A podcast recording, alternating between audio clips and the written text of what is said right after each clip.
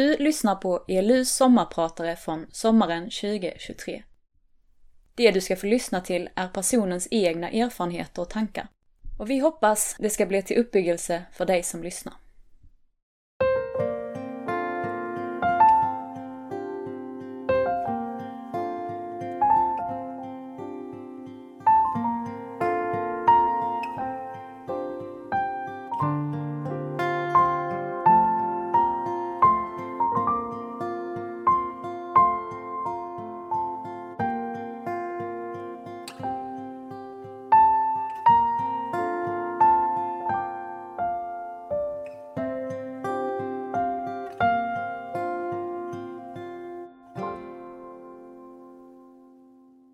Tre okända män kom plötsligt ikapp oss på grusvägen mellan Las Brisas och Seropon.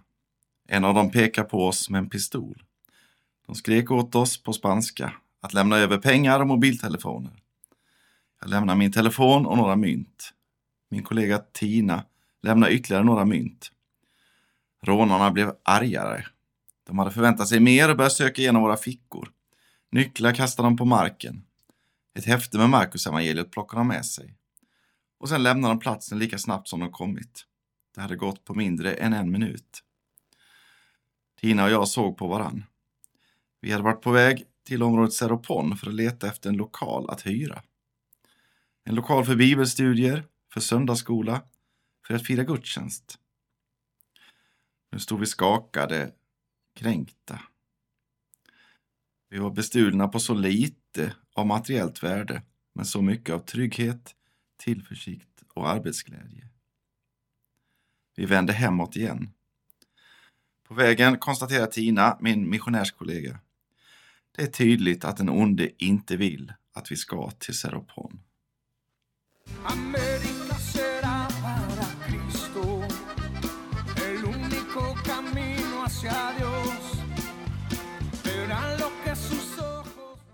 Mitt namn är Erik Andersson. Jag är nästan 50 år gammal och bor i norra Skåne, även om jag är född och uppvuxen i Västergötland. Mitt sommarprat för ELU kommer handla om några spännande och viktiga år i mitt liv när jag var missionär i Sydamerika, i norra Peru, i en stad som heter Chiclayo. Där i Chiclayo finns stadsdelen Las Brisas. Min familj och jag bodde där och inte så långt från Las Brisas, kanske 20 minuters promenad, ligger Seropon, en fattigare och enklare stadsdel. Det var dit jag var på väg en onsdagkväll i september 2009. Under ett par års tid hade vi samlats i ett hem, hemma hos en familj, för att i deras vardagsrum varje lördagkväll ha en enkel samling med bibelstudium, sång och bön.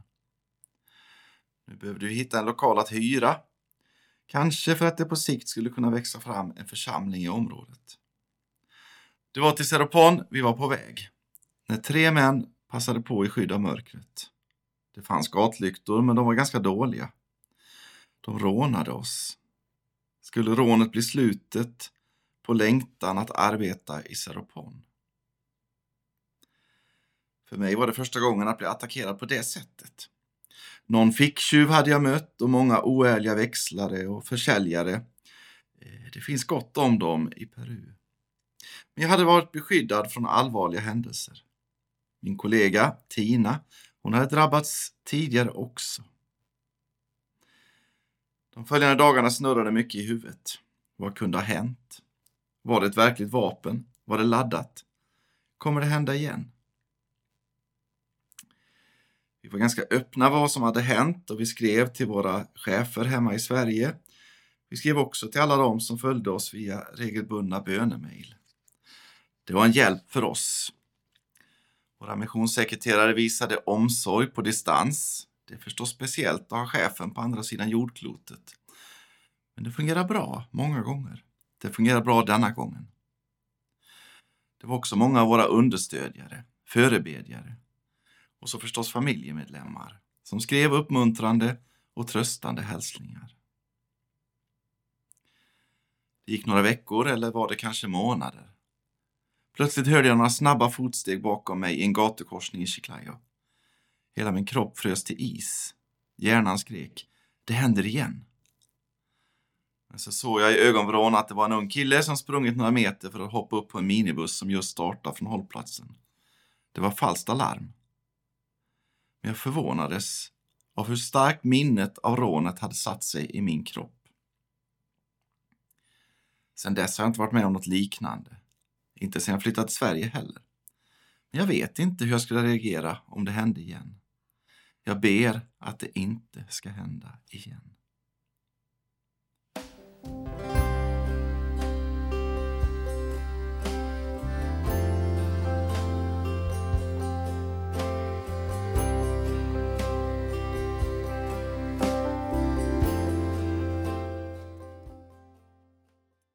Vi bodde i Chiclayo i ungefär fem år.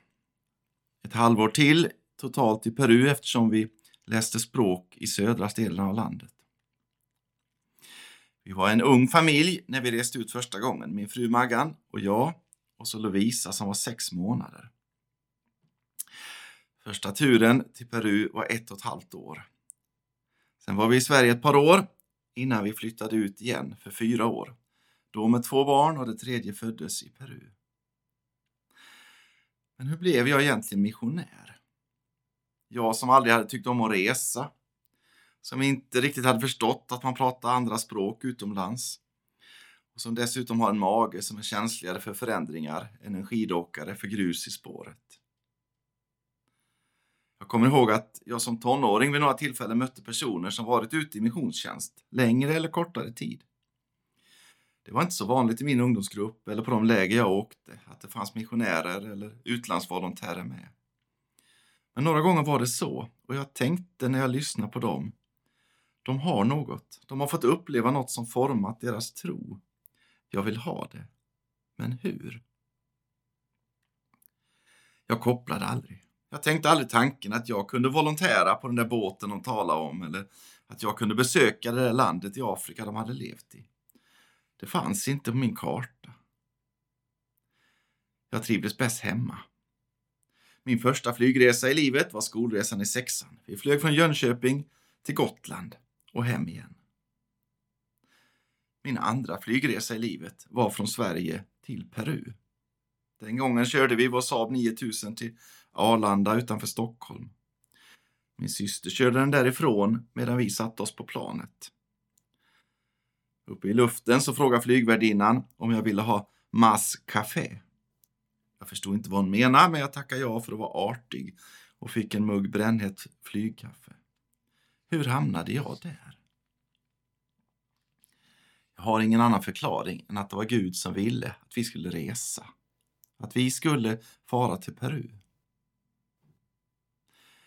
Lite tidigare, sommaren 2002, så hade jag och Maggan flyttat till Halmstad.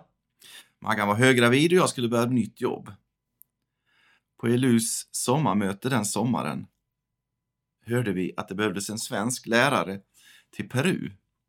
Vi skrattade lite och sa på skämt att det kunde varit vi, för Maggan är lärare. Men vi hade precis flyttat. Jag skulle börja nytt jobb två veckor senare.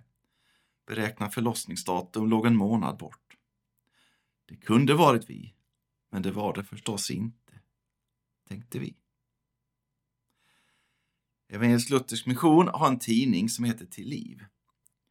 Varje nummer som kom efter sommarmötet den hösten innehöll samma annons. Lärare till Peru. En bit in på hösten kom jag hem från jobbet på sjukhuset och fann Maggan uppriven. Jag tror hon hade gråtit. Till liv hade kommit igen och hon bara pekade på annonsen och sa den är kvar. Vi pratade vi bad tillsammans. Jag hoppas i alla fall vi gjorde det. I vårt äktenskap är det Maggan som är den större bedjaren och jag definitivt den mindre. Hur som helst så skrev vi ett försiktigt mejl med många reservationer. Motvilligt och beredvilligt på samma gång. Så blev vi missionärer. Ja, det är klart att det följde samtal med ansvariga i missionen, en del tester CVn, formella kallelser, blanketter, vaccinationer. Men det var nog redan klart. Herren hade kallat. Den gången genom information på en sommarkonferens och upprepade annonser i en tidning. Jag är säker på att Gud kallar på många olika sätt. Ibland genom stora yttre händelser. Ibland genom en stilla längtan i ett hjärta. Gud har fantasi, omsorg och han är djupt engagerad i våra liv. Han vet bäst hur kallelsen ska komma. When the life I built came crashing to the ground. When the friends I had were nowhere to be found. I couldn't see it then, but I can see it now. Well, there was Jesus. Vi kom till Peru första gången i februari 2003. Det var mitt i sommaren på södra halvklotet. Det var varmt, det var annorlunda. Jag brukar skämta och säga att när man läser de första breven eller mejlen eller inläggen på sociala medier från någon som åker ut som volontär eller missionär eller liknande så handlar första inlägget om vädret, andra om trafiken och tredje om maten. Sen kan det utvecklas i lite olika riktningar. Och så var det också för oss. Värmen var kompakt när vi landade i Lima. Redan när flygplansdörren öppnades upplevde vi en vibrerande värme. En kollega, Håkan, mötte oss på flygplatsen och vi satt plötsligt intryckta i en taxi med tutande, bromsande, gasande bilar runt omkring. Mindre än ett dygn tidigare hade Lovisa suttit tryggt fastspänd i bilbarnstolen i Sverige. Nu satt vi alla obältade i rusningstrafiken i mångmiljonstaden Lima. Dagen efteråt njöt vi första gången av den peruanska maten. Jag skulle kunna fylla hela programmet här med skildringar av Perus smaker, men jag nöjer mig med två ord. Solmogen mango.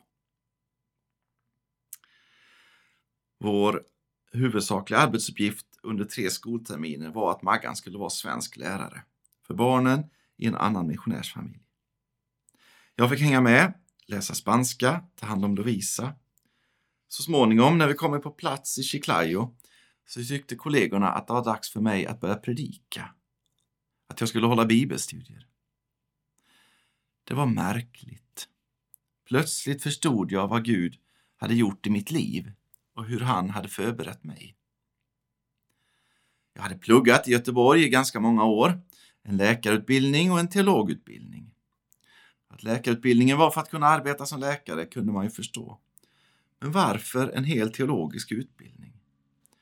Jag hade aldrig haft något tydligt mål. Jag hade knappt provat på att undervisa eller predika i Sverige. Alla dessa tusentals boksidor, hundratals timmar av grekiska plugg, plöjandet av bibelkommentarier.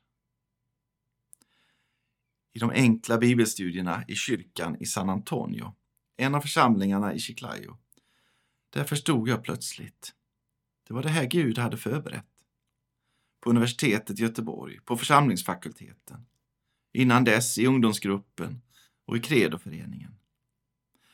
Han hade haft en plan när jag trodde att jag gjorde lite av varje utan plan. I Bibeln finns beskrivningen av hur Jesus kallade Petrus och hans bror Andreas till lärjungar. Jesus sa att han skulle göra dem till människofiskare. Jesus hittade på ett nytt ord för deras skull, människofiskare. För bröderna var fiskare och nu kallade Jesus dem in i något helt nytt. Men samtidigt skulle de få fortsätta vara fiskare, men på ett nytt sätt. Så tänker jag att Gud utrustade mig. Han utrustade mig först och kallade sen. Och tack och lov har han sedan fortsatt att forma, rusta, korrigera och leda mitt liv.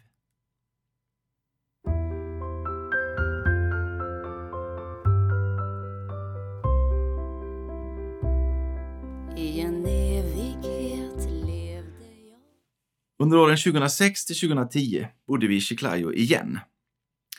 Vi var hemma i Sverige två år innan det och förberedde oss ytterligare lite mer med missionsskola och annat. Men vi längtade tillbaka till Peru och vi kom tillbaka till Peru. Och det var under de åren vi församlingsplanterade i Seropon. Samtidigt fanns vi med i olika stödjande funktioner i de befintliga församlingarna. Maggan och jag arbetade tillsammans med Tina, vår danska missionärskollega. Vi jobbar som ett team för att lära känna människorna i Seropon. Och som jag redan nämnt hade vi samlingar på lördagskvällarna. Ofta gick vi dit alla tre, eller rättare sagt alla, alla sex, för våra tre barn var också med. Jag ledde en enkel samling utifrån en bibeltext, talade om tro, om bön, om Jesus. Vi sjöng. När Tina var med kompade hon på gitarr. Var inte Tina med försökte jag ta de få ackord jag kan. Några sånger blev snabbt favoriter. Maggan eller Tina kunde ha enkel söndagsskola i ett rum intill medan jag undervisade. Och så efter ett par timmar, ganska sen lördagkväll, följde ett par av männen oss alltid en bra bit på vägen hem. De visste att det fanns risk för hån, att det fanns risk för rån. En gång när vi gick tillbaka hemåt så frågade Jorge mig, samtidigt som han drog sin jeansjacka tätt omkring sig. Hermano Erik, blir det så här kallt i ditt land också? Jo, svarar jag, ibland. Det var nog 12-15 grader den kvällen, men visst kändes det svalt i vinden. Det var till Seropon vi var på väg, Tina och jag, den kvällen vi blev rånade. Det hindrar oss inte att gå tillbaka några dagar senare för nya möten, nya sångstunder och samtal. Och vi kunde någon månad senare faktiskt hyra en lokal som vi fick måla och fixa till för fortsatta samlingar. Eftersom vi kunde fortsätta så har minnet av rånet faktiskt bleknat. Den gången vann inte fienden. Den gången fick inte mörkret makt över ljuset. Rånet är inte för mig ett väldigt smärtsamt minne, även om det är jobbigt. Ändå väcker namnet Seropon ganska svåra känslor för mig. Vi satsade där, vi bad där, vi prisade Gud och gick på hans ord. En del av mitt hjärta finns i Seropon. Mi corazón entona la canción. Idag finns det ingen församling kvar i Seropon. Det gör ont i mig. Det väcker frågor. I några år efter vi hade flyttat från Peru fortsatte arbetet. Det växte till och med. Våra kollegor som efterträdde oss la ner ännu mer av sin kraft och sitt engagemang i Seropon. Men den lilla plantan som vi tyckte spirade, den veknade, den bleknade och samlingarna kring Guds ord upphörde. Det finns många mänskliga förklaringar, massor. Jag skulle kunna analysera missionens insatser. Titta på vår ganska otillräckliga kartläggning. Fundera på om vi hade gjort så eller, eller kanske så eller så. Det finns förklaringar. Innan vi reste till Peru hade jag läst en del missionshistoria. Och de sista åren sedan vi kom tillbaka därifrån har jag gjort det ännu mer. Jag har till och med doktorerat på missionshistoria. Jag kan bättre än många andra redogöra för att varje satsning i mission, varje pionjärinsats, varje försök att plantera en församling är ett risktagande. Det finns inga garantier för att lyckas. Varken för de personer som är inblandade eller för de organisationer som sänder ut missionärer. Det är klart att i historieböckerna så läser vi mest om de som lyckas. Oavsett om det är personliga historier som Drivna av kärlek. Har du läst den boken? Författaren heter Bruce Olsson. Den kan jag rekommendera. Men det handlar om ett lyckat projekt. Det gör det också om man läser tjocka böcker om ELMs historia eller någon annan svensk mission. Man skriver mest om det som gick bra. Men går man in och läser protokoll, missionstidningar eller gamla brev från missionärer så ser man snart att det är många som inte har lyckats. Några återvänder som hjältar, andra brutna, slitna, trötta. Det finns inga garantier. Och i mitt inre finns smärtan. Inget i min tjänst för Gud hade jag önskat mer än att Seropon idag skulle ha en levande, evangeliserande luthersk församling. Men det är inte så. Det såret har inte läkt ännu i mitt inre. Men jag vet att Gud kallar oss att tjäna honom. Han kallar oss inte att diktera vad han ska göra. Vi får gå på hans kallelse. Jag kallades till Peru för att så ut evangeliet på hård mark. Jag ber att några frön ska hamna till god jord. Eller att några frön ska hamna i jord, tårar eller droppar av svett. Så jorden har mjukats upp så att fröna kan gro och växa. Sen är det inte säkert att jag får se skörden. Men han som har kallat, han tar också ansvaret. Hur tryggt det är att lämna i Guds händer Om du undrar vad du ska göra med ditt liv så vill jag bara säga, håll dig nära Jesus. Han vill dig väl. Kanske har han redan en tanke, en plan för dig som du inte ser. Om du känner att han kanske vill att du ska lägga ett, två, fem eller kanske många år på att försöka dela tron på Jesus med människor som inte känner honom, så våga gå på den kallelsen. Våga lita på honom. Våga lita på att han kallar dig. Kanske till Sverige, kanske till Peru, kanske till Främre Asien eller någon annanstans. Våga följa honom och se dig inte tillbaka.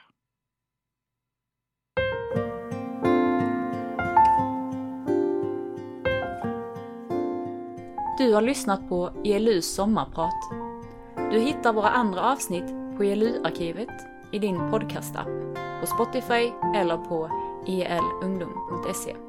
Där kan du dessutom ge en gåva eller bli månadsgåvogivare till ELU. Tack för att du lyssnat och ha en riktigt fin sommar.